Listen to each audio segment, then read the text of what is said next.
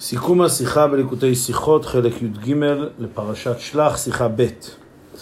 בסיום פרשיית המרגלים, אומרת התורה בפרשתנו, אה, פרק י"ד פסוק ל"ו: והאנשים אשר שלח משה לתור את הארץ וישובו וילינו עליו את כל העדה להוציא דיבה על הארץ.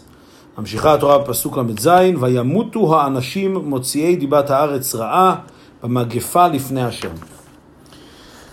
ועל הפסוק הראשון אומר רש"י, וישובו וילינו עליו, וכששבו מטור הארץ הרעימו עליו את כל העדה בהוצאת דיבה.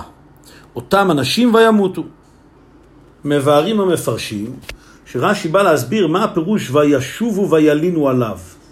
כי בפשטות המילה וישובו אפשר היה לפרש שהכוונה היא שהם חזרו והלינו את בני ישראל בפעם השנייה, וישובו וילינו, עשו את זה שוב פעם. ולזה מפרש רש"י, שוישובו לא הכוונה שהם עשו את זה עוד הפעם, אלא כששבו מטור הארץ. מספרים את החטא שלהם שהיה בעבר, שכששבו מטור הארץ, אז הם הוציאו את דיבת הארץ רעה.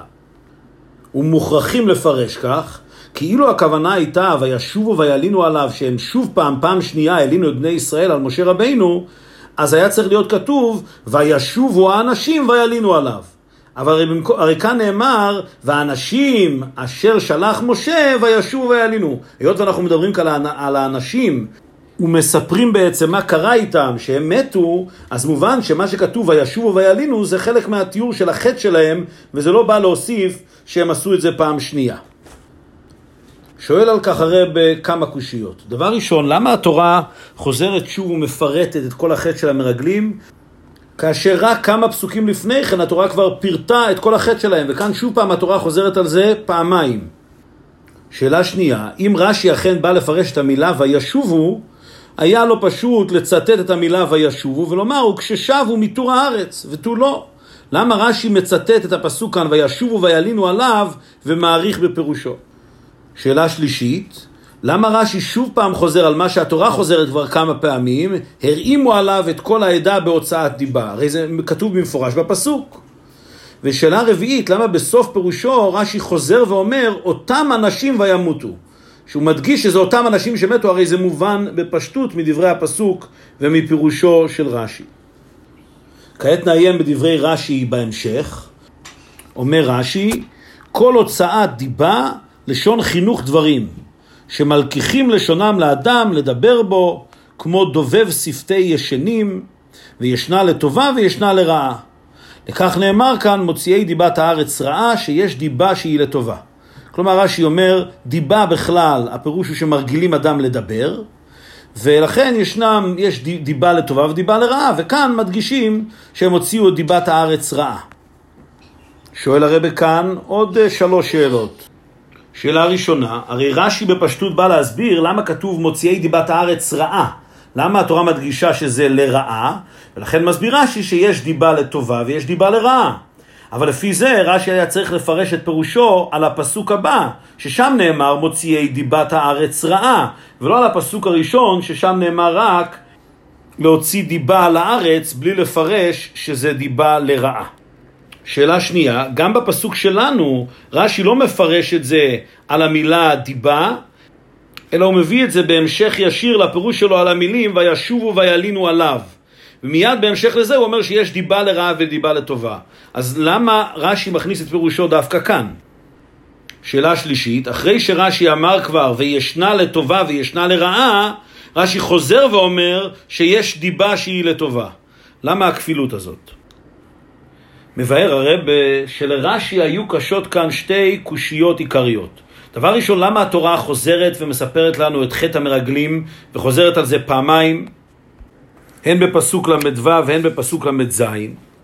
דבר שני, כאשר התורה מדברת על חטא המרגלים, התורה אומרת, האנשים אשר שלח משה לתור את הארץ, וישובו וילינו עליו את כל העדה.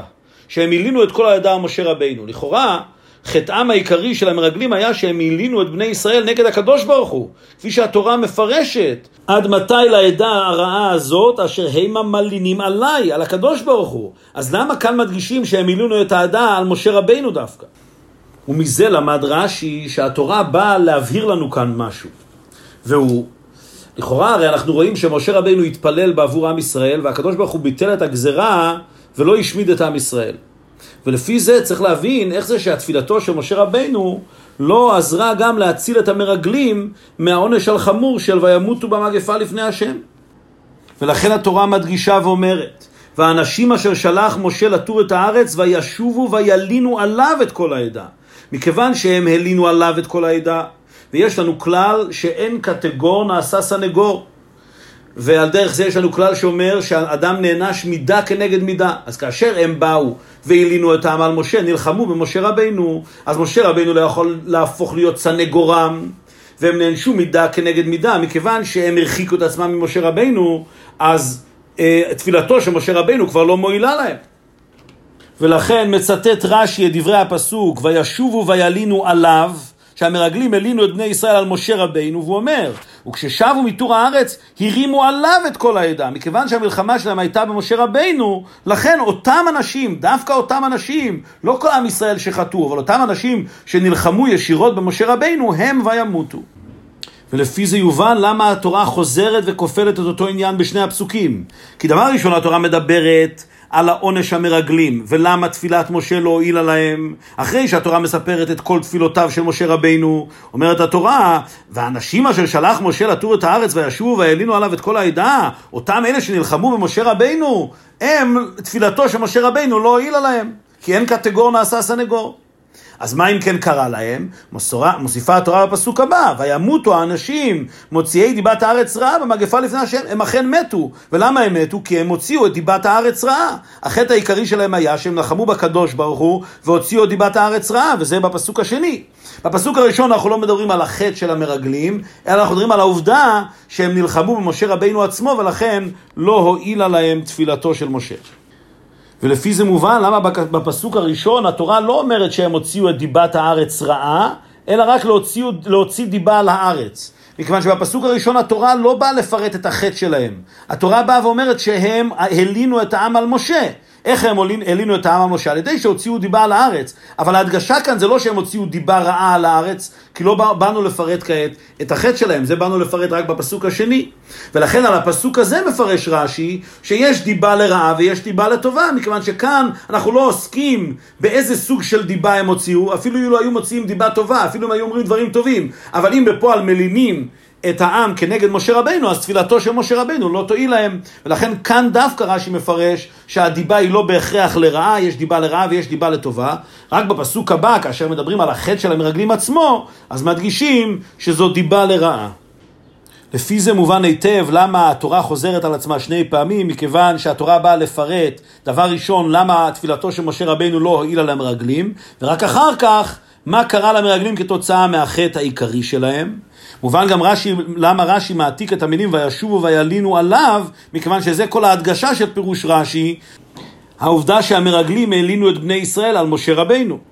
מובן גם למה רש"י חוזר ואומר הרימו עליו את כל העדה, כי רש"י בא להדגיש שזו הייתה מלחמה למשה רבינו, ולכן מסיים רש"י, אותם האנשים וימותו, דווקא אותם אנשים מתו, מכיוון שהם אלו שהעלינו את העם על משה.